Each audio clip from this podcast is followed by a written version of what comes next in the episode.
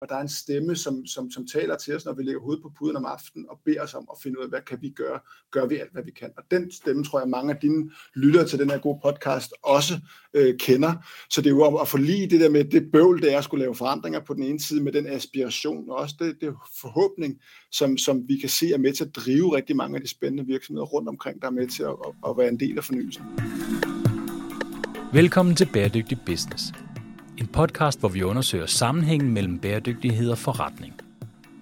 Den sociale ulighed stiger, og klimakatastrofen er ved at løbe løbsk. Konsekvenserne af biodiversitetskrisen og kollaps af økosystemer er ganske uoverskuelige. Men vejen ud af problemerne er, at vi laver en verden, hvor bæredygtighed kan betale sig. Mit navn er Steffen Marksø. Jeg er forfatter og foredragsholder og direktør i konsulenthuset Sustain Business. Jeg taler med førende eksperter om, hvordan bæredygtighed kan gøres til god forretning. Jeg hedder Rune Bostrup og er til daglig direktør i Teknologirådet og deltager Danmark, som netop er slået sammen. Ja, og så har du jo i øvrigt også skrevet bogen efter festen sammen med øh, Bjarke Dahl Mogensen. Ja, det er rigtigt. Den har jo faktisk fået en hel del omtale. Det må man sige, det er vi meget bæret over. Ja, øh, lidt skuffet bliver man jo nok, når det nu er, at man skal læse en bog om bæredygtighed, og så er det jo en direktør for Teknologirådet, og så er der overhovedet ikke en masse løsninger fra teknologiens verden. Der havde vi jo forventet, at vi kunne slå op i bogen, og så vil det bare være teknologi, der løser det hele, men der bliver man jo slemt skuffet, når man læser den. Ja, jeg tror nok, at vi skal passe på, for alle dem, som er meget stærke på udviklingen af teknologi, har det med nogle gange at føle, at de bliver spændt for, der, der bliver sat nogle forventninger op til dem, som de har svært ved faktisk at realisere. Ikke? Så, ja. så vi skal være meget grundige om at, at holde fast i, hvad vi kan lykkes med med teknologi, som vi ikke kun vil, og, og, og hvad den større øh, fortælling er. Jamen, det er klart, at teknologi er fantastisk, men, øh, men, men det med, at vi kommer til at tro, at det fikser det hele, det, det understreger jeres pointe jo også. Og, og jeg har jo læst bogen, og man siger, jeg synes faktisk, det er en rigtig fin bog den er jo også, det er sådan lidt en blandet oplevelse, man har, når man læser den, fordi at, at det, er jo ikke, øh, det er jo ikke just sådan en, en happy ending, der, bliver, der sådan er lagt op til. Altså det er jo nogle ret hårde udfordringer, vi står overfor. Men så med din egne ord, kan du ikke starte med at fortælle, hvorfor er det, I har dedikeret bogen til jeres børn? For det er jo faktisk meget sigende for hele bogen. Jamen, det, det har du fuldstændig ret i. Altså, jeg tror, at øh, det, det, er på nogen måde også, vi har kendt hinanden i 15 år, øh, og, og kommer fra den politiske verden, men det er faktisk en gåtur for, for fem år siden i de svenske skove, sammen inden Bjarke skulle være far for første gang, der startede os på den her tur. Og det var den gang, der sad en svensk skolepige foran, øh, hvad hedder det, rigsdagen i Sverige, ja. og, øh, og, og vi havde haft den der vanvittige sommer. Ikke? Så jeg tror, vi har, vi har været på en rejse i erkendelse øh, på, på, på mange af de her ting, og hvor det har kredset rundt om, hvad er det, vi giver videre til vores børn, og hvad er det for et ansvar, vi har med det, vi kan, med det, vi ved, det det, vi har af, af, af, af position i samfundet, og det vi er gode til. Hvad er, det, hvad er så vores ansvar? Og det tror jeg er en samtale, rigtig mange har øh, med sig selv i deres hverdag, i deres familie, i deres, blandt deres kollegaer osv. Så på den måde skiller det sig ikke så meget ud fra så mange andre, øh, og så har det bare taget ved over for. Vi kan jo se, at det rammer os lidt som en, en, en, en forhammer mod panden hver sommer, når, når, når der kommer yderligere forværinger af, af vores øh, hvad kan man sige, klima- og naturtilstand, øh, eller den samlede krise, vi står i. Og det er med til at, at skubbe videre på, ikke? Jo, og det er meget sjovt, at, at I nævner det, fordi i bund og grund er det, jo, det er jo åbenlyst, at det er jo for vores egen børns skyld, ikke mindst, at vi skal gøre de her ting, at vi bliver nødt til at lave nogle store forandringer. Men det er faktisk noget, ret mange også ude i erhvervslivet begynder at nævne som en ting, at det begynder at komme tæt på, hvor man tænker, at, at vi har faktisk et ansvar, der går videre end bare vores egen generation. Men så med dine egne ord, altså, hvad vil du sige, hvad er jeres formål med at skrive bogen her? Jamen, jeg tror, det er at formidle nogle af de erkendelser, vi selv har gjort os i processen med at forstå, hvad er det egentlig, øh, naturen fortæller os, hvis vi skal sige det sådan lidt, øh, lidt, lidt, øh, lidt hvad kan man sige, øh, metaforisk. Ikke? Altså, der, er, der er jo en, en grundlæggende erkendelse på tværs af, af, af bogens sider, som handler om, at, øh, at naturen har en, en konto, vi voldsomt overtrækker. Og, og det vi ser i de år, er, at den er på vej i betalingsdansning og vi har et sprog fra den politiske verden, fra den økonomiske verden, hvor vi er vant til at forholde os til sådan nogle termer inden for, for nogle lidt andre domæner, men vi må erkende, at den, den konto, vi nu har i overtræk, og den betalingsdansning, vi er på vej ind i, øh, af de økosystemer, vi er afhængige af, af de rensesystemer, vi er afhængige af, den atmosfære, vi er afhængige af, for, uden hvilken der ikke er liv på jorden. De, de, de, de fortæller os et meget klart sprog nu, som videnskaben formidler til os, men som uomgængeligt er noget, vi, øh, vi skal tage meget mere alvorligt, end det vi faktisk har erkendt. Og det har en erkendelsesproces derigennem har ledt os til nogle, sådan nogle meget mere firkantede konklusioner, end det vi egentlig troede på forhånd. Mm. Også lidt presset af vores redaktører og vores læsere undervejs, ja. som var sådan, det står mellem linjerne indtil videre i manus, skal I ikke skrive det mere frem. Ja,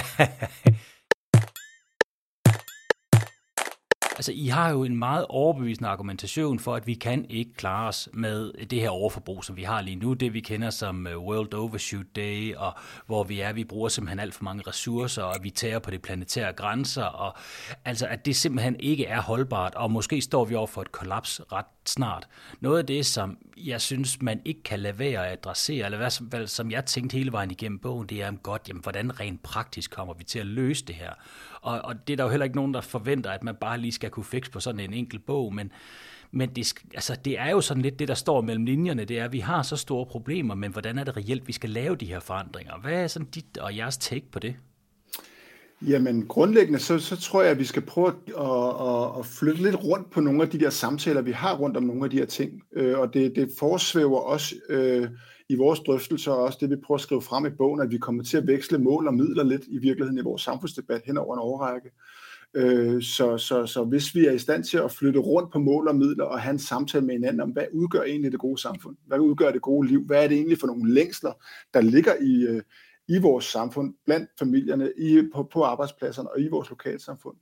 Øh, så, så tror jeg egentlig, at vi godt kan finde nogle måder at etablere en fremtidsvision, som er attraktiv for den brede befolkning lad os bare sige 80 procent, fordi det har været meget debatteret på det ja, seneste. 80 procent af det magiske tal har vi hørt. ja, og, og, og, både mindre og mere kan gøre det for, for så vidt, ikke? Men, men, øh, men spøj til side, så, så, er, så, er det, så er det vores øh, forståelse, at der er nogle fastlåste måder at forstå nogle sammenhæng mellem mål og midler, som vi virkelig skal flytte rundt på, hvor at, øh, at et middel som vækst er blevet et mål i sig selv.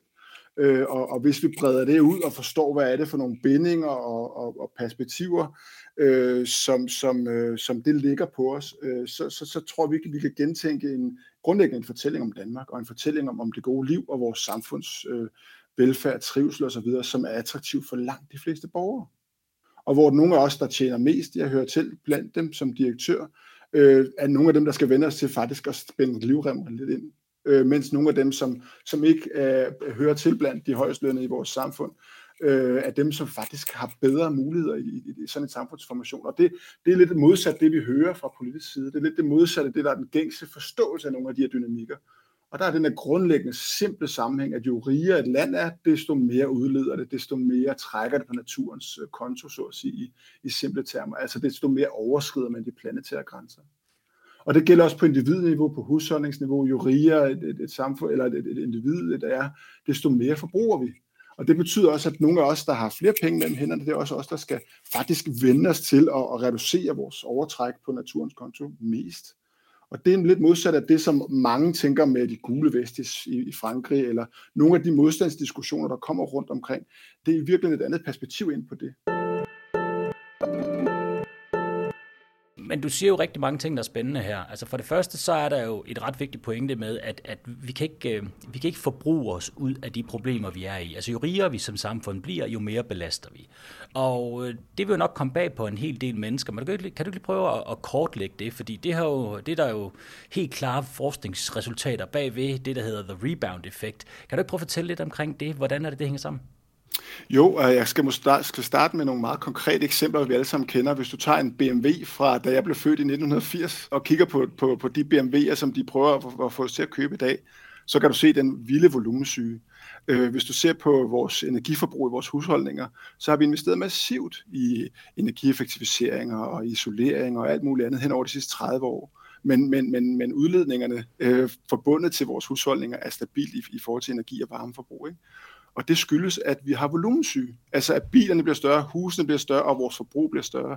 Så selv når vi skifter til, til altså vi forbyder glødepærer, og sådan noget, som er et godt initiativ, så popper det ud, at vi så bare får flere, flere øh, lysende dimser ind i vores, vores uh, husholdning. Og, og jer, der lytter med, vil også kunne tænke på, på bare jeres børns legetøj, for eksempel, som vi bruger som et eksempel i bogen. Der er små dioder og ting, der lyser ind i alle bolde og alt muligt andet i dag, som der ikke var, da jeg var barn. Det betyder ikke, at børnene nødvendigvis er mere lykkelige af den grund, men det betyder, at, at, at vi kan se, at i takt med, at man effektiviserer og reducerer øh, hvad hedder det, og, og gør det billigere i virkeligheden derved gennem også, at, at bruge energikilder, så bliver de brugt mange andre steder. Så optræder de lige pludselig inde i, i Sønnekes Bold, hvor det tidligere ikke var, fordi det er blevet billigere. Og det er helt tilbage fra en, en, en økonom tilbage i, i, i 1850'erne og 60'erne, der, der skrev om, om kulspørgsmålet. Han hedder øh, Jevon øh, og, og, og, og talte om, om, om, det, om det Jevonske paradoks, at, at, at det, at vores øh, dampmaskiner og lokomotiver bliver mere og mere effektive, ikke fører til, at vi bruger mindre kul. Så vi har faktisk vidst i 150 år, at der er noget, der hedder en, en, en rebound-effekt, at når vi energieffektiviserer, så hvis økonomien samtidig vokser, og noget bliver billigere at bruge, så bliver det anvendt nye steder. Og, og det er det, der er kernen i, at, at, at det, at, at væksten bliver ved med at fortsætte, og det, at vi kan se i vores byggeri, i vores transportsektor, i vores forbrug af ting og sager osv., at det bliver ved med at vokse. Der er nogle, der er nogle erkendelser rundt om det, hvor at, at vi ikke har været langt nok i, hvad kan man sige, hvad er det til, for en transformation, vi skal ud i øh, af samfundet, for faktisk at komme inden for de planetære grænser. Det, det er super interessant, og jeg, her ved jeg, at rigtig mange virksomheder har svært ved at se sig selv fordi hvordan er det, at virksomheden skal bidrage til det? Fordi hvis vi forholder os til det faktum, at, at jo rigere vi bliver, jo mere producerer vi, og vi har altid forgudet vækst, som om ja, det rent faktisk var en, en gud af en slags. Og hvis virksomhederne nu skal ind under det her nye paradigme, hvor det er, at vi ikke skal vækste, men tværtimod skal vi finde en balance i overensstemmelse med planetens øh, kår, hvordan kommer virksomhederne så til at skulle arbejde inden for den ramme, for de skal vel stadigvæk konkurrere om, hvem der så laver de bedste produkter, men også de mindst belastende produkter. Altså, hvordan forestiller du det? Jamen, det, jeg, altså, jeg tror, der, der er rig plads til, at en lang række og, og, og virksomheder kan vokse ganske massivt, og nogle af dem har vi jo brug for at blive, blive mangedoblet. Så, så der er jo bestemte virksomheder, vi har brug for at vokse og vokse og vokse. Så, så der, der, der er forskellige forhold i det, på det aggregerede samfundsniveau. Hvis vi fortsætter vækst der, hvis vi fortsætter stræber efter at øge den, samfund, den samlede hvad hedder det, vækst i samfundet, så har det nogle af de der uheldige sideeffekter på, at det bliver svært for os at bremse op, på grund af blandt andet rebound-effekten. Der, der er meget mere at sige til det, end det vi lige når mm. her. Ikke? Øh, og så den anden side af det er jo, at, at, at, øh, at det betyder på virksomhedsniveau, at det ikke nødvendigvis et problem, at man selv vækster, så længe at, at man gør det inden for en ramme af øh, et, et regnskab for de plan, der, der, der respekterer de samlede planetære grænser. Det er ikke kun et spørgsmål om CO2 og klima, det er også et spørgsmål om de øvrige miljø- og, og naturhensyn, som skal være styrende. Og, og der har vi brug for, at der er en række grønne vækstindustrier, øh, som, er, som er stærke til at drive et marked øh, væk fra det fossile. Øh, så vi har brug for en konkurrencesituation, hvor vi optimerer til at blive stadig dygtigere til at lave de bedste grønne produkter.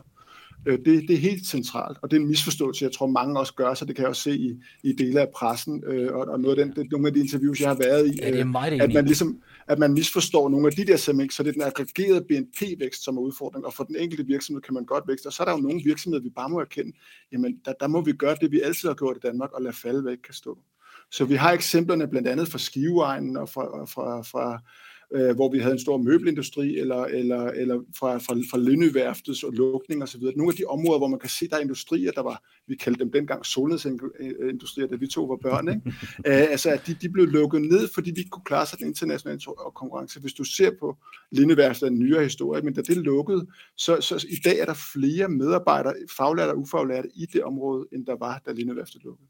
Så man kan sagtens have en overgang til nye produktive øh, hvad hedder det, industrier, som er, som er en del af den nye fortælling. Og det er jo blandt andet vindmølleindustrien øh, i, på, på, i Lindøs tilfælde. Ikke?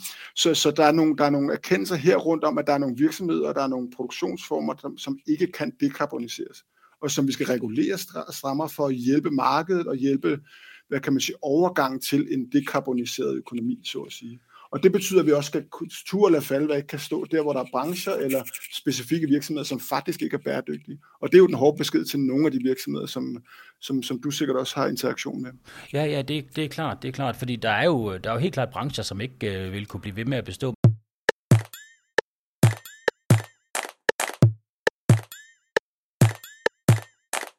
Men hvis vi nu kigger på, på vindmølleindustrien, øh, så kan man sige, at de er jo rigtig gode på, på klimadelen, knap så gode på, på biodiversitetsdelen, så man kan sige, de lever vel heller ikke helt op til, at, at de holder sig inden for de planetære grænser. Så man kan sige, at de på nuværende stadie er vindbranchen ganske fornuftig, men den skal blive endnu bedre for at skulle klare sig i et fremtidigt øh, scenarie uden vækst. Er det ikke rigtigt forstået? Jo, jo, det er fuldstændig rigtigt, og der er jo nogle, nu, det kommer lidt an på, hvor meget vi skal dykke ned i nogle af de der dilemmaer, der ligger, men det er jo i hvert fald sådan, at når vi siger, at, at, øh, at vi får at kunne tale om, hvis der skal kunne være råderum til økonomisk vækst, så skal vi have absolut afkobling. Øh, og det har vi haft på, på energi i en vis grad, men vi beregner os frem til at sige, at den er ikke hurtig nok, fordi vi stadig bruger meget biomasse, og den er for, den er for marginal til egentlig at kunne tale om, om, om, om en tilstrækkelig hurtig afkobling, selv på klima den planetære grænse inden for klima, altså energi og kul, eller hvad hedder det, fossile brændsler. Øh, og så har vi de øvrige planetære grænser, altså vores biodiversitet eller integriteten af vores økosystemer mm. i bredeste forstand. Vi har vores fosfor- og kvælstofudledninger, ja, øh, og, og, og vi har vores, vores, vores havmiljø og vores, altså for, den massive forsuring af havene osv. Så, videre. så der, der er en række bredere hvad hedder det, planetære grænser, som også vindmølleindustrien eller øvrige mm. grønne, såkaldt grønne industrier skal kunne leve op til fordi det kan være bæredygtigt i absolut forstand. Og der er jo blandt andet minedrift en virkelig vigtig faktor i det. Øh, som, som, som, som øh, der er forskningsstudier, vi citerer i bogen blandt andet, der peger på, at hvis vi gør os forhåbninger om bare at kunne fortsætte en meget massiv øh, grøn vækst baseret på, på, på, på fornybare energiressourcer i vind og sol, så risikerer vi at, at medproducere, fordi det er blandt andet til batteriproduktion og andet, en, en meget stor biodiversitetskrise mm. i en række af de områder, hvor, hvor minedriften skal op. Øh, det er jo så et veksel mellem, at, at, at vi kan sige, at der, der er mindre fossile brændsler, der hives op, så, så den samlede volumen af, af, af hvad hedder det, af, af mine øh, industri vil, vil ikke nødvendigvis vokse komplet, hvis vi er i stand til at lukke det fossile. Det er ikke det, vi er i gang med, men hvis vi kunne forestille os det. Ikke desto mindre, så er det sådan, at det, det er de områder, hvor man udvinder øh, mange af de råstoffer, vi er helt afhængige af til den grønne industri. Det, det er områder, som er biodiversitetsmæssigt nogle af de allervigtigste mm. og det er meget store arealer, man skal bruge til det. Så der er sådan nogle balancer i det der, vi ikke er færdige med at blive kloge på, og, og hvor at, at, at netop det også vil, vil presse og udfordre også de, de grønne vækstbrancher, som, som vind, sol og andre. Ikke? Jo, og derfor kan man sige, altså man kan vel opsummere det, du siger, det handler om at lade falde, hvad ikke kan stå, og alle de andre virksomheder skal konkurrere på at blive så gode som overhovedet muligt til at levere det, som kunderne gerne vil have, inden for i de planetære grænser. Ja, og så sætte nogle politiske mål, der hjælper os til at regulere det også. Ikke? Jo. Vi fået et klimaråd, og vi, vi burde nok også have et biodiversitetsråd, som, som havde en, en lovgivning, der var lige så skarp, altså fordi det er lige så store udfordringer, vi har der, og de er potentielt lige så, øh, hvad kan man sige, alvorlige for vores, vores øh, velbefindende som, som, som mennesker og som, som planet. Ikke? Enig, og det politiske niveau, det kommer vi tilbage til. Lad os lige tage et spørgsmål mere omkring erhvervsdelen, fordi at, at øh, jeg beskæftiger mig jo primært med praksis, og så kan man sige, hvordan anskuer du så det med virksomheder, som forsøger at lave en forandring? Altså, vi, vi, vi har jo bygget et fossilt samfund op omkring os lige nu. Alle virksomheder, der er stort set ingen virksomheder, der er absolut bæredygtige, hvis der overhovedet er nogen. Så det er vel et spørgsmål om, at alle folk skal dreje sig en lille bitte smule. Men hvordan anskuer du det der med, at folk drejer sig en lille smule i retning af at blive bedre hele tiden? Eller mener du decideret, at der skal noget revolution til, hvor vi bliver nødt til at gå ind og sige, kap nogle ting hurtigt, og altså, altså være lidt mere øh, ja. restriktiv. Altså, jeg, jeg, jeg er bestemt ikke revolutionær af gemyt eller, eller observans, øh, og, og jeg tror ikke på, at det sådan samfundet forandres. Altså, jeg tror, vi må erkende, at det at komme ud af de fossile øh, teknologier er en meget lang proces for os som mennesker, øh, og, og, og derfor vil det tage tid. Øh, men, men, men noget af det, jeg skal tale om i efter, eftermiddag på, på en konference handler blandt andet om, hvordan er det, vi så sektor for sektor kan tænke nogle af de der forandringsprocesser på tværs af værdikæderne. At vi skal langt mere, altså vi skal, vi skal blive bedre til at arbejde med noget af den nyeste forskning, som også er i de seneste IPCC, altså FN's klimapanels rapporter på, hvordan understøtter man det, det man kalder sociale tippepunkter. Vi kender til de klimatiske tippepunkter, hvis, hvis, hvis Amazonskoven øh, forsvinder, eller, eller hvad hedder det, indlandsisen øh, hvad hedder det, forsvinder, så er der, der er et potentielt klippe, tippepunkt, hvor, hvor vi kan komme over i nogle irreversible processer. Men vi kan også fra, fra den samfundsvidenskabelige øh, hvad hedder det, værktøjskasse tale om sociale tippepunkter. Og det er noget af det, vi arbejder systematisk med at kunne fremme. Hvordan kan man på tværs af for eksempel byggesektoren arbejde med alle led af værdikæden og beslutningskæderne for at understøtte, at man meget hurtigere kan komme over til et paradigme af absolut bæredygtighed, eller endda måske øh, øh, videre derfra. Øh, og det, det, der, der er det med at, at understøtte sådan en, en, et race to the top på tværs, en måde også at accelerere nogle af de omstillinger. Det har noget regulatorisk aspekt af det, det har nogle markedsmæssige aspekter, og så har det i høj grad også en efterspørgselsside. Fordi vi er, altså bygge, byggesektoren er afhængig af, at, at, at borgerne også bredt set får nogle andre drømme om, hvad er det gode liv i viklingsstørrelse hus og alt det andet også er. Ikke? Så der, der er en hele vejen rundt om den kæde der, skal vi, kan, skal vi, øh, skal vi engagere hinanden i en samtale og, og, og fælles handling på, hvordan vi driver de forandringer. Og det, det, er, det er der potentialer til forskningsmæssigt, eller belæg for forskningsmæssigt, at kunne pege på, at kan udløse nogle typepunkter, der, der, der sikrer, at vi også på det der lidt mere nørdede felt, som en, en branche eller sektor også er, kan realisere nogle ting. Og det kræver, man som, som, som virksomhed finder ud af, hvordan kan vi arbejde i både konkurrence og, og, og, og fælles handling på tværs af, af de forskellige aktører og roller, vi hver især har. Ikke? Jo, fordi i praksis er det jo super vanskeligt. Et, det er, at man skal sandsynligvis udvikle nye løsninger, men du skal også have de medarbejdere på til at kunne forklare, forstå og fortælle om de her løsninger og få dem solgt til kunderne. Kunderne, de skal købe ind på den løsning og prøve nogle nye ting, så der er jo rigtig meget, der skal, der skal laves om, og tid er jo ligesom det aspekt, vi ikke har så meget med at gøre. Hvis vi så prøver at zoome lidt op, og så går op i det politiske. Altså, det er jo egentlig meget interessant det her, man kan sige, at jo flere penge du har, jo mere belaster du. Og, og der er privatfly jo et rigtig godt eksempel, der, hvor man kan se, at, at hvis du har et privatfly, jamen, så har du altså bare en ret massiv øh, CO2-udledning på, og nu er det jo så også vanddampe, der kommer ud af sådan et fly der, men uanset hvad, så påvirker du i hvert fald klimaet ganske negativt, når du har et privatfly. Men hvordan går man ind og tager højde for det politisk? Fordi de gule veste var vel et udtryk for, at man netop ikke tog højde for den sociale retfærdighed, der også bliver nødt til at blive bygget ind i, at vi skal lave en ret stor reformer i samfundet for at lykkes med det her. Ja, det, det, det, er et rigtig godt spørgsmål, du stiller, og det, det er utvivlsomt centralt for, for, for, for overvejelserne her. Og der tror jeg, at vi skal tage fat i på den ene side en erkendelse af, at det er en, det er en, det er en længere proces at, at forstå og, og kunne arbejde med at realisere nogle af de her spørgsmål og at det er afgørende, at, at, at vi skaber en, en såkaldt en, en helhedsplan. Altså det var noget af det, som, som vi som samfund faktisk har været rigtig gode til. Øh, Jens Otto Krav var berømt for det i 60'erne, og en række af de hvad hedder det, store samfundsforandringer, vi har gjort, har jo typisk været mellem arbejdsgiver og arbejdstager og staten øh, i store trepartsaftaler eller tilsvarende, som sikrer vores pensionssystem. Og sådan. Så vi har rigtig gode erfaringer med faktisk at lave meget store øh, fremskridt gennem fælles drøftelse og analyse af, hvad er det for et problem, vi skal løse, og hvordan er det, vi hvad kan man sige, nyttiggør os nogle af de genstridige kendskærninger, vi står overfor, øh, som vi også bruger som et ord fra, fra, en, fra en gammel jagttager for over 100 år siden. Og det er det, der er kunsten i det politiske niveau, at man, man er i stand til at lave de der planer og gøre det på måder, hvor man får inddraget de forskellige hensyn og sikret den balance. For det vi kan se bredt set er, at, at, at vi oplever egentlig danskerne i meget udstrækning i vores analyser, er med på, at mm. der skal ske forandringer. Det, man er mest optaget af som borger, er øh, overvejelsen omkring gode og byrder bliver fordelt lige, som det ene. Og så det andet, at vi skal huske, at vores demokrati også er en mekanisme til at fordele værdighed.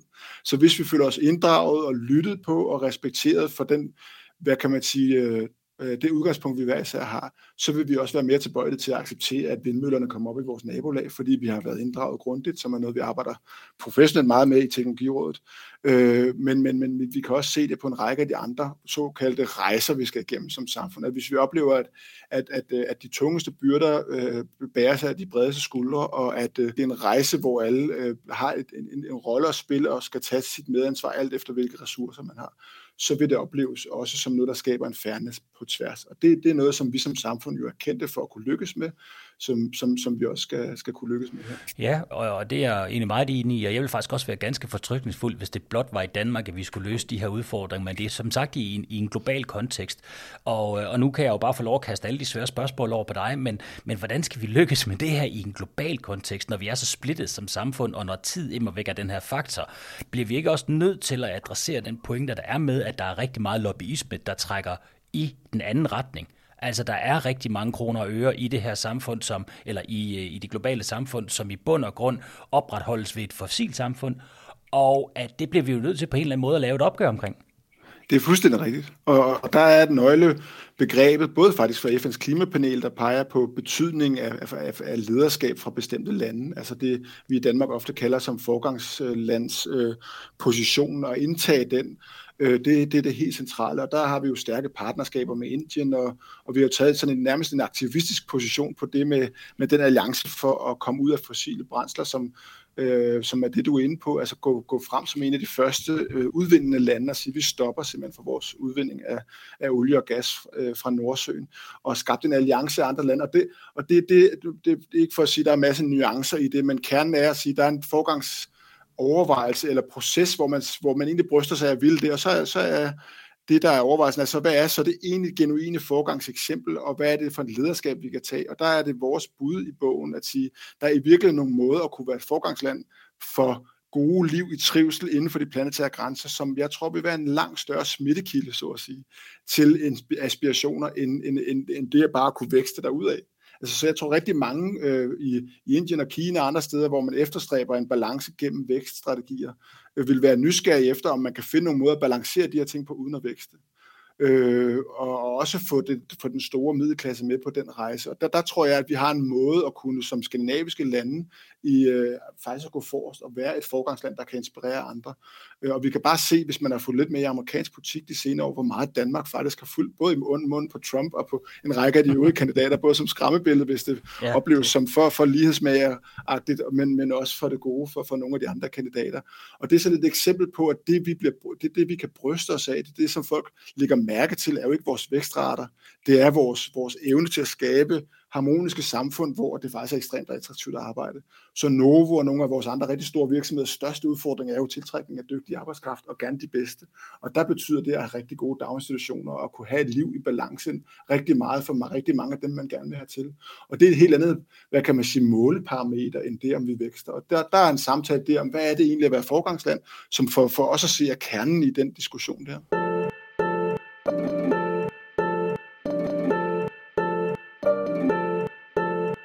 Der er vel også et ret stort krav til, at der bliver altså, udviklet nye løsninger, sådan så det er, at, at den politiske forbruger rent faktisk har mulighed for at kunne gøre mere, end de kan lige nu. Fordi hvordan får vi skabt mere incitament til at udvikle de her nye løsninger, og, og de nye måder at kunne være til stede på i samfundet som, som politisk forbruger?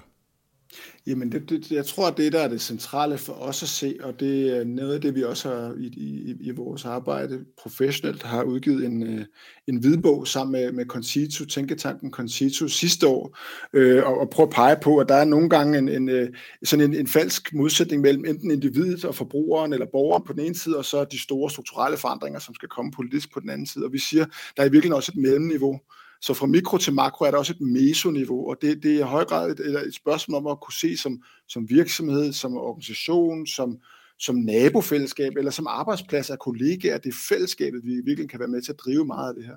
Og hvis vi lærer af nogle af de dygtigste øh, brands i virkeligheden, så er det faktisk det, de har lykkes med hen over de sidste 20 år eller mere, at mm. udvikle deltagerstrategier, en egentlig deltagerøkonomi, kan vi sige, vi faktisk lever i i dag, hvor nogle af de største kinesiske elektronikfirmaer har over 50 millioner brugere, der også er med til at udvikle nye produkter på deres online platforme, rate og bedømme og komme med nye forslag, og så også være med til at seedfunde produkter, og dem, der får en, en vis grad af, af crowdfunding ind, at dem, der så også bliver realiseret. Og så har vi pludselig et følge på 10.000 vis af, af, af brugere, der har været med til at putte penge i det, og så rigtig gerne vil sprede det bagefter.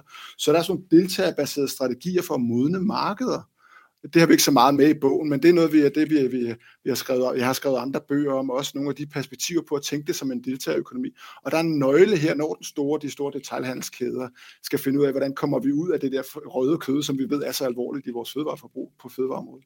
Eller nogle af de andre virksomheder, der skal vi være meget bedre til at skabe de fællesskaber der kan, og de bevægelser, der kan drive efterspørgselen i retning af øh, et mere klimavenligt eller mere øh, hvad hedder det, bæredygtigt forbrug. Ja, og det her det er jo virkelig interessant, fordi reelt set så er der vel to muligheder. Enten så skal vi have rigtig mange regler og rammer, og så skal vi begynde at diktere, hvordan det er folk, de skal øh, leve, eller så skal vi vel engagere folk endnu mere, sådan så de bliver en aktiv del i at begynde at lave det her samfund om.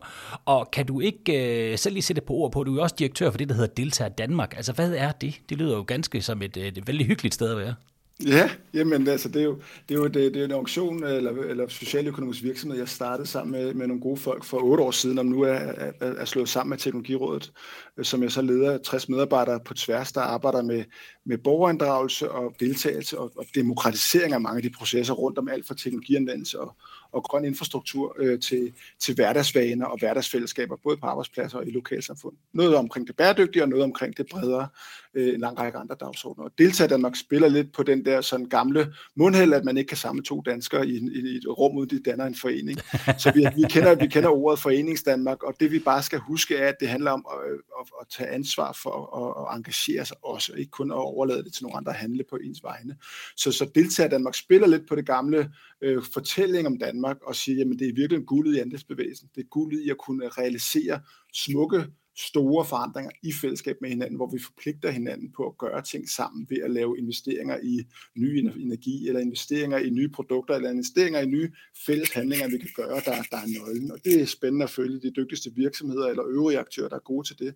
Og der er nogle af dem, hvor vi er med i samtalen på linjen, eller, eller hjælper med noget kompetenceudvikling, eller egentlig driver kampagner eller andet for dem. Så hvis jeg skal give et helt konkret billede, så er der jo i dag over 200 lokale grønne nabofællesskaber landet over, og dem har vi været med til at, og, at hjælpe på vej fra at være en god idé for nogle naboer i Frederikssund til nu at være en, en landsdækkende netværk og bevægelse, som, som laver en ordentlig klimahandledag som en invitation. Ikke? Så der er rigtig meget i det her, som vi sådan er eksperter i. Hvordan er det, man realiserer nogle af de der tippepunkter gennem langt sejt træk med at bygge kapacitet op hos individer i deres lederskab og i fællesskaber til at kunne realisere fælles formål. Et af de store problemer, når det handler om klimaforandringerne, og de andre problemer, vi står overfor, fordi at, at vi taler altid om klimaforandringer, men det er jo markant større end bare det, men det er vel, at vi i bund og grund synes, det er lidt irriterende, vi skal til at ind og forholde os til alle de her ting. Virksomhederne vil jo hellere bare drive business, som de altid har gjort. De har været vant til, at der har været oceaner af ressourcer. Man skulle ikke tænke over, at man påvirkede planeten. Medarbejdere, det var der nok af. Det var bare over stok og sten, hvis du kunne sælge det. Altså er det ikke det her, der er det store bøvl. Det er i bund og grund, så gider vi ikke til at skulle til at omstille os. Vi skal til at lære noget nyt, forholde os til nogle nye ting. Hvordan er det lige, vi gør det som et helt samfund? Fordi, og en helt global verden, skal vi jo faktisk have folk til at engagere sig for det her. Jamen, det, det, jeg tror, det, det er både rigtigt, og så vil jeg også sige, at det, det, det er lige så rigtigt at sige, at vi, vi, jeg møder rigtig mange virksomhedsledere, organisationsledere, politikere osv., der er dybt bekymret over, hvad er det egentlig, vi giver videre til vores børn. Så både er det bøvlet at skulle lave om, øh, men, men, men det er også et, et dyb længsel hos rigtig mange om at sige, hvordan er det, jeg kan med de ressourcer, jeg har, x antal ansat, eller vi, vi har faktisk alle muligheder, hvordan kan jeg inden for det der meget snævre markeder faktisk begynde at være en kraft for det gode? Klart, være en kraft, der svarer, der svarer på det, som mine børn beder mig om derhjemme. Altså, så, så, så, så det, jeg møder på tværs af koncernledelser, eller, eller organisationsledere, eller politiske ledere rundt omkring, vi møder både i kommuner og i de private erhvervsliv, og, og på Slottsholmen, så er det jo også oplevelsen af, at det kommer i høj grad også fra børnene. Og der er en stemme, som, som, som taler til os, når vi lægger hovedet på puden om aftenen, og beder os om at finde ud af, hvad kan vi gøre? Gør vi alt, hvad vi kan? Og den stemme tror jeg, mange af dine lyttere til den her gode podcast også øh, kender. Så det er jo at forlige det der med det bøvl, det er at skulle lave forandringer på den ene side, med den aspiration, og også det, det forhåbning, som, som vi kan se er med til at drive rigtig mange af de spændende virksomheder rundt omkring, der er med til at, at, at være en del af fornyelsen. Og, og der, der kan man altid forholde sig til, om, om, om glasset er halvt tomt eller halvt fyldt, men der synes jeg også, at der er masser af inspirationer hen. Og øh, jeg kan jo også godt lide at have ja-hatten på i forhold til, at vi er på veje, og der skal nok ske nogle ting. Og det, altså, det her, det vil jo også ske af sig selv. Det er der jo ingen tvivl om på et eller andet tidspunkt. Så må vi jo bare erkende, at vi har ødelagt planeten så meget, at, at vi simpelthen bliver nødt til at gøre noget. Problemet er jo bare, hvis vi får den erkendelse lidt for sent. Fordi tid er jo som sagt en ret væsentlig faktor her. Så ja. hvordan forestiller du dig, udviklingen den kommer til at gå? Altså sådan med den almindelige forbruger, den almindelige erhvervsdrivende, den almindelige medarbejder derude. Altså hvornår er det, at de her klima- og bæredygtighedsudfordringer, vi står overfor, at de sådan for alvor begynder at sænke ind? Altså jeg er med på, at det er et relativt svært spørgsmål, men vi går jo alle sammen og spekulerer, hvornår det her det breaker. Hvornår tror du, det her det kommer til virkelig at gå op for folk, at vi reelt står for nogle ret store problemer? Jamen, når krisen rammer. Du kan jo spørge i, i Norge øh, eller, eller de øvrige steder. Ikke? Der sker jo de der dramatiske forandringer her nu. Øh, og, og, og vi kan se det, det beskriver vi i bogen som sådan et nyt, nyt systemskift i virkeligheden, som blandt andet er drevet af, af de naturfænomener, vi kan, vi kan mærke øh, er med til at, at ramme os øh, som en dyb erkendelse, jeg også sagde i starten. Så, så jeg tror, at øh, jeg tror, at jeg er, er øh, jeg er meget dyster i forhold til mine bekymringer for, hvad der kommer til at ske. Altså også i forhold til de virksomheder, der lytter med på podcasten, her, værdikæder og så videre. Vi kan se, at øh, jeg tror, det er 82 procent af den kinesiske produktion og 85 procent af den kinesiske befolkning bor i de områder, der bliver hårdest ramt af klimaforandring. Mm. Og, og, og Kina er et af de lande, som er allermest afgørende for den globale produktion, og det er et af de lande, der bliver allerhårdest ramt. Altså sidste sommer havde vi, havde vi netter med 35 grader om natten i en række af de der produktionsområder, hvor man bare bliver nødt til at lukke for, for, for en række, en del af produktionen, og også for, for energiforsyning, for, for, for overhovedet at hjælpe folk til at overleve i det. Så den type af destabiliserende hedder det, stød, der kommer til hele vores økonomi, øh, bliver ganske markant, og den bliver tiltagende hen over de næste par årtier. Øh, og der er det grundlæggende sådan, at jo mere du kan forberede dig som virksomhed, jo mere du kan forberede dig som lokalsamfund eller som land, desto bedre står du. Og, og, og det kan vi se, når, når, når, når stormen raser, så er vi glade for, at vi har lært af de storm, vi har haft, så sidste storm gik ikke så galt, som vi havde frygtet. Så, øh, så, og det handler om at bygge diger og, og have beredskab klar, kan man sige. Men, men, men bredere handler det jo også for virksomheden om at må, må, må kigge fremad og sige, at der er brancher, der bliver lukket ned, når vi rammer muren for alvor og det kommer sådan stødvist, men vi kan se, hvad det er, stater går ind og gør, når coronapandemien for alvor rammer. Ikke? Så står man i et meget, meget sårbart sted som virksomhed, med mindre der bliver den ramme for at kunne understøtte. Og der, der, er, det, der er det min bedste vurdering hen over de kommende år her. Der, der vil man opleve stadig strammere regulering og stadig strammere pres fra de øvrige business to business, altså øvrige af dem, man handler sammen med, men også for forbrugere, og måske vigtigst af alt for medarbejdere. Altså vi ser jo en Danmarks stjerneadvokat, øh, Dan Stubergaard fra Kobe, sagde, jamen at arbejde som arkitekt i dag svarer til at arbejde i tobaksindustrien. Ja, det, det var en hård artikel, han kom ud det, det, det, det er en hård melding, ikke? men det er jo erkendelsen af, det, det føles simpelthen direkte forkert mod mine egne værdier som far, at skulle producere så meget beton, som det bibliotek, mine børn leger med på sin hver eftermiddag øh, ude i Nordvest, hvor vi bor i Københavns Nordvestkvarter. Ikke? Så der er jo sådan nogle, der er jo sådan nogle dybe transformationer af vores erkendelsesbillede, hvor den vigtigste udfordring for mange af de virksomheder, som allermest fossiltunge, det bliver, kan jeg overhovedet få dygtige ingeniører og dygtige håndværkere til at komme og arbejde for os. Og den, det er en main driver også, og den, den gør bare, at jo mere man er i stand til at være foran i sin tværgående bundlinje øh, på, på tværs af de planetære grænser, desto stærkere vil man stå sig, og desto bedre vil man også kunne sandsynliggøre, at man, man har en markedsposition i fremtiden. Så, ja. så det mener jeg bare, det gælder bare om at komme i gang hurtigst muligt, og det er der jo heldigvis også nogen, der er det er også erkendelsen derude nu. Mm. Det er, at virksomheden ved godt, at vi skal i gang. Det helt store spørgsmål, det er hvordan. Det er fordi, det er en, en kæmpe stor elefant, og den skal man i gang med at spise. Jeg synes da, at du har fuldstændig ret i alt det, du siger, og måske her kunne man godt tale om, at teknologien kommer til at spille en rolle, fordi digitalisering, som jo er en, en, en, en anden supertrend, der også øh, kører lige nu, jeg ved ikke, om man kan kalde bæredygtighed for en supertrend, det bliver sådan lidt, uh, lidt vagt i forhold til relevansen af det. Men det er jo også noget, der er meget højt på listen hos erhvervsledere. Den kombineret med kunstig intelligens og alt det data, der kommer til at ligge på netop lovgivning og krav til virksomhederne og bedre målemetoder til at finde ud af, hvordan vi påvirker planeten. Altså det kommer vel også til at øge transparensen i så høj grad, at det bliver sværere for os at stikke hovedet i busken, hvilket jo er et psykologisk menneskelig del, at, at når noget bliver rigtig svært, så stikker vi hovederne i busken.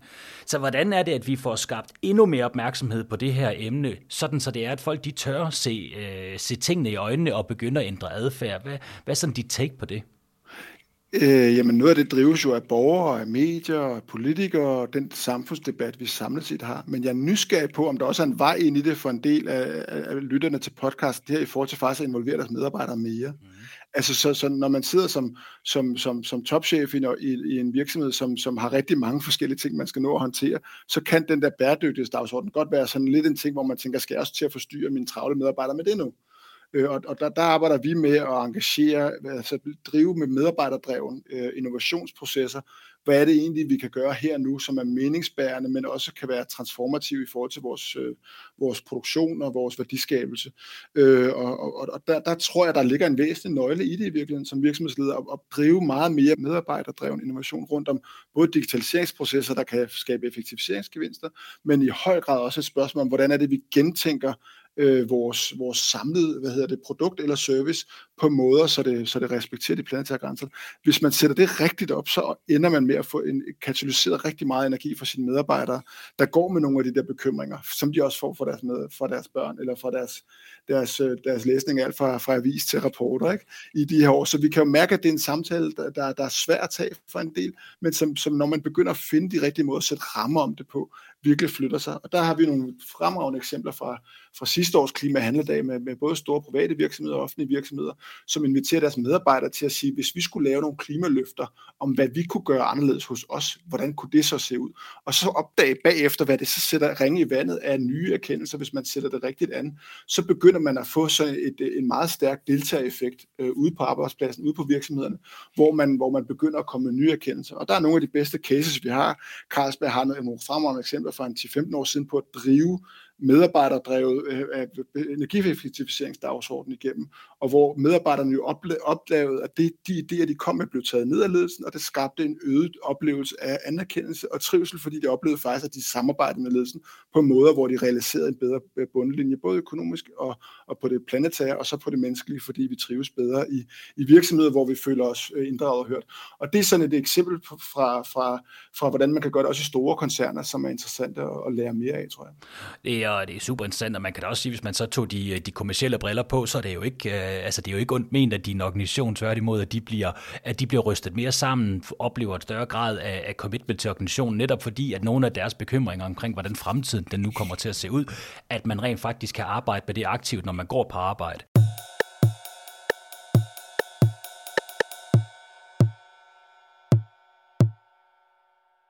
Hvad tænker du om, om mediernes rolle i hele den her omstilling? Fordi der er jo ingen tvivl om, at, at øh, medierne er blevet bedre over det sidste stykke tid, men ellers så er det godt nok også nemt at slippe igennem øh, med nogle ret simple budskaber i medierne, og jeg ved ikke, om medierne har haft helt den nødvendige indsigt til at kunne, øh, kunne udfordre blandt andet virksomhederne, men også at kunne uddanne deres læsere til at forstå mere omkring bæredygtighedsagendaen. Hvad er dit take på det?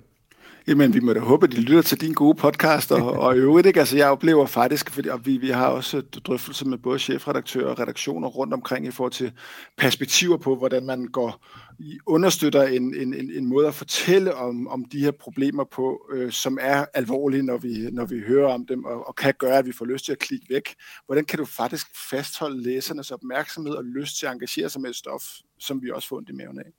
Øh, og det, det, kan, det kan vi jo se på alle redaktioner, en af barriererne jo, at, at det, er, det er alvorlige fortællinger jo, øhm, og, og, og det er noget, vi er afhængige af, både kan gå på, på de brede mainstream medier og i de mere, hvad kan man sige, allerede grønne medier, så at sige. Så jeg tror, at en væsentlig del af, af øvelsen, det også handler om at fortælle historier, der hjælper folk til at, at, at, at, at at kunne se, hvad de også kan gøre forskel øh, på den ene side, og så på den anden side at have en, en erkendelse af, at det her det er, ikke, det er ikke et stoftema på tværs af, af en række silo-baseret stoftema, det går på tværs af det hele. Og det handler lige så meget om, om, om nogle helt nære dagsordner for borgerne, som det handler om nogle brede, fordi det også er en, en ny, ny, ny forestilling om det gode liv, der skal være formidlet i det, øh, og, og som i, øh, jo også i høj grad handler om, om vores daglige medieforbrug og de, hvad kan man sige, de drømme, vi også hvad kan man sige, udvikler gennem medierne, altså om det så er drømmehuset, der skal være større, større, større, finere, finere, finere, øh, eller drømmerejsen, eller om vi kan finde nogle andre måder at, at, at engagere hinanden på. Så der, jeg tror på tværs af alle medier og på tværs af alle redaktioner, at man stigende grad nysgerrig på, hvordan er det, vi faktisk gør det her, og hvor der ikke kun er en, hvad kan man sige, en vagthundsrolle over for virksomheder, som, som, som skal, skal tjekkes efter, men også er en, en, øh, et arbejde på de brede kulturdagsordner øh, om at, og faktisk få nogle forestillinger omkring, hvordan kan det blive okay at leve i en verden, hvor vi måske har mere tid til hinanden, hvor vi måske, øh, hvad hedder det, påskynder det, der er, er mere nært og, og så videre, som, som er afgørende for at skabe et liv og et samfund inden for de planetære grænser. Det lyder jo, det lyder jo ganske, ganske tiltalende, når du fortæller om det, men øh, det klasser jo lidt dårligt med den nye valuta i, i Danmark, som jo er arbejdskraft hvor det jo i bund og grund drejer sig om, at vi skal arbejde markant mere, for at vi holder gang i det økonomiske hjul. Altså, det er jo også noget, vi er vokset op med. Altså, vi skal jo vi skal passe vores arbejde, vi skal, vi skal betale, øh, vi skal ordne nogle ting, vi skal tjene nogle penge. Det er jo et ret stort mindset-skift, vi skal igennem, hvis vi skal gå fra et vækstparadigme over til et trivselsparadigme. Hvordan, øh, hvordan tager man de spæde små skridt i den retning? Hvilket jeg faktisk allerede tror, vi gør lige i de her tider. Men, men hvad tænker du? Jamen, det, det, det er et godt spørgsmål, og, og jeg, jeg, jeg tror, det er, det er jo øh, lidt sådan, at, øh, at politik følger efter kultur ofte. altså, at, at der, er en, der er en bred samtale om de her dagsordner og nogle stigende erkendelser, som, som, som, som, som, tager noget tid at modne sig til egentlige politiske programmer, som er mere udfoldet. Øh, men, men, men jeg ser ikke desto mindre af det som, som en del af den, øh, hvad kan man sige, tendens, der er på tværs i, øh, i, siden, i virkeligheden siden klimavalget 19 og, og, og bevægelsen frem mod, hvordan er det, vi egentlig øh, forstår den fulde opgave, og, og der, der er et godt stykke vej nu, før vi er, hvor vi skal være. Det var sådan lidt øh, på de overordnede linjer, ikke? Men, men i forhold til, til det med at, at veksle trivsel til, som, som, som den mønt, øh, vi, vi, vi i højere grad sætter først over for, for arbejdskraft, der er, der er hovedudfordringen jo øh, at, at dykke lidt mere ned i tallene i virkeligheden. Altså fordi vi kan se, at, at, at det er klart, at der er en række virksomheder, som, som virkelig skriger på, på arbejdskraft på det private område, og, og vi har nogle udfordringer på tværs af vores øh, offentlige sektor også. Men hvis vi ser på det specifikt på den offentlige sektor, så er der flere uddannede øh, sygeplejersker, der er flere uddannede skolelærer, der er flere uddannede pædagoger, end der faktisk arbejder i pågældende brancher. Så der er noget rundt om, hvordan er det, vi går fra kvantitet og forsøg på at maksimere ud i nogle af de der rammer, til faktisk at, at sikre en højere grad af fleksibilitet i arbejdslivet, der gør, at folk har lyst til at blive inden for deres branche. Så vi har en tendens til at tro, at vi kan løse det med, øh, med, med, med den der incitamentsskrue, der, der handler om... Øh, øh, hvad hedder det, arbejdskraft udvidet, øh, men, men vi må erkende, at, at lovmæssigheden er relativt entydig. Så selv da, da regeringen var ude og, og, og fjerne stor bededag, så, så siger økonomerne jo, at det udligner sig relativt hurtigt, mm. fordi folk, når de bliver rigere, så vil de arbejde mindre. Så, så det er en hovedtendens, vi har på tværs, og der, der, der tror jeg bare, at vi skal, vi skal se på tværs af de, den udvikling, vi har været over de sidste 80 år, altså siden krigen i virkeligheden, der har vi systematisk vekslet produktivitetsstigninger øh, til også lavere arbejdstid. Og det er den dividende, som, som, som er et demokratisk valg, vi har som samfund. Hvad, hvad synes vi er vigtigst? Er det øget vækst, eller er det øh, faktisk at, at kunne veksle noget af det til mere tid med vores ældre, eller vores børn, eller med hinanden i lokalsamfundet, eller hvor vi nu er i livet. Og, og det er der, hvor vi siger, det er der, hvor der for alvor også er en stor guldråd at hente, hvis man kan have den samtale, og flytte den samtale øh, i retning af, at, at vi gør, som vi har gjort frem til for en 20 år siden, så vi faktisk systematisk nedsætter arbejdstiden, fordi det er noget af det, der er, er, er super effektivt for klimaet, hvis vi, vi og de planetære grænser for og trivsel, gør det, ja. og, tri, og, og, og, som især også så bonger ud på trivselen. Og der skal vi jo bare huske, at vi, vi, vi slås med at finansiere et velfærdssamfund med stærkt sundhedsvæsen og så videre, for at behandle folk, som lider af, af stresskriser ja, og alt muligt andet. Ikke? Det er jo og vores ungdom fantastisk. har det sgu bare ikke godt, vel? Og der er et eller andet rundt om, at der skal vi måske også kigge på nye øjne, hvordan er det, et trivselssamfund ser ud? Og måske bare huske, at det er ikke så fremmed for os. Altså, nogle af lytterne kan måske huske Poul Nyrup, der sad i 98 i en, i en nytårstale og lagde hovedet lidt på skrå, og, sagde, og fortalte om, om, om, om den gamle, eller den unge mor med, med barnet bag på sædet øh, i, i en januar morgen, der, der afleverede og sagde, kan vi ikke gøre det lidt bedre? Og ja. hvad var det, han, han indledte der? Han indledte samtalen om, om at, at øge den, den fleksibilitet, og, og, og det var starten på den 6. ferieuge. Så, så, så vi har faktisk over tid systematisk gjort det. Det er de sidste 20 år, hvor vi ikke har gjort det. Og det betyder ikke, at, at det så bare er knips med fingrene, og det også vil være en udfordring for de erhvervsvirksomheder, som virkelig synes, de slås med, med, med, med, med, med tilstrækkelig arbejdskraft. Men, men i, i den samlede balancering, så tror jeg, at det er det, der skaber det mest lykkelige samfund faktisk. Jamen, øh, det, det er slet ikke i tvivl om. Spørgsmålet er bare, hvordan vi kommer derhen, og om vi tør gå væk fra vækstparadigmet, som er jo så dejligt nemt for os at håndtere, fordi vi kan måle og veje det, eller om vi tør begive os ud på noget, som samlet set nok er bedre for os som samfund, fordi at lige nu er der ingen tvivl om, at vi som mennesker ikke trives, og det gør planeten heller ikke. Men det gør vores økonomi, så må man jo så bare håbe, at den økonomi den begynder at blive kanaliseret over i nogle af de andre ting. Rune Bostrup, tusind tak. Vi går snakke snakket meget længere tid i dag. Det har virkelig været interessant at tale med dig. Det var spændende at læse din bog. Og øh, jeg ved at du skal holde en række foredrag i løbet af det næste stykke tid, så jeg håber, at folk de kommer ud og ser dig. Og tusind tak, fordi du var med. Tusind tak, Steffen. Det var en fornøjelse. Tak fordi du lyttede til Bæredygtig Business. Find mig gerne på LinkedIn, hvis du vil netværke, eller hvis du har idéer til nye episoder. Ris og ros er også velkommen. Del meget gerne podcasten med dine venner, og husk at give os en god anmeldelse, så bliver vi så glade.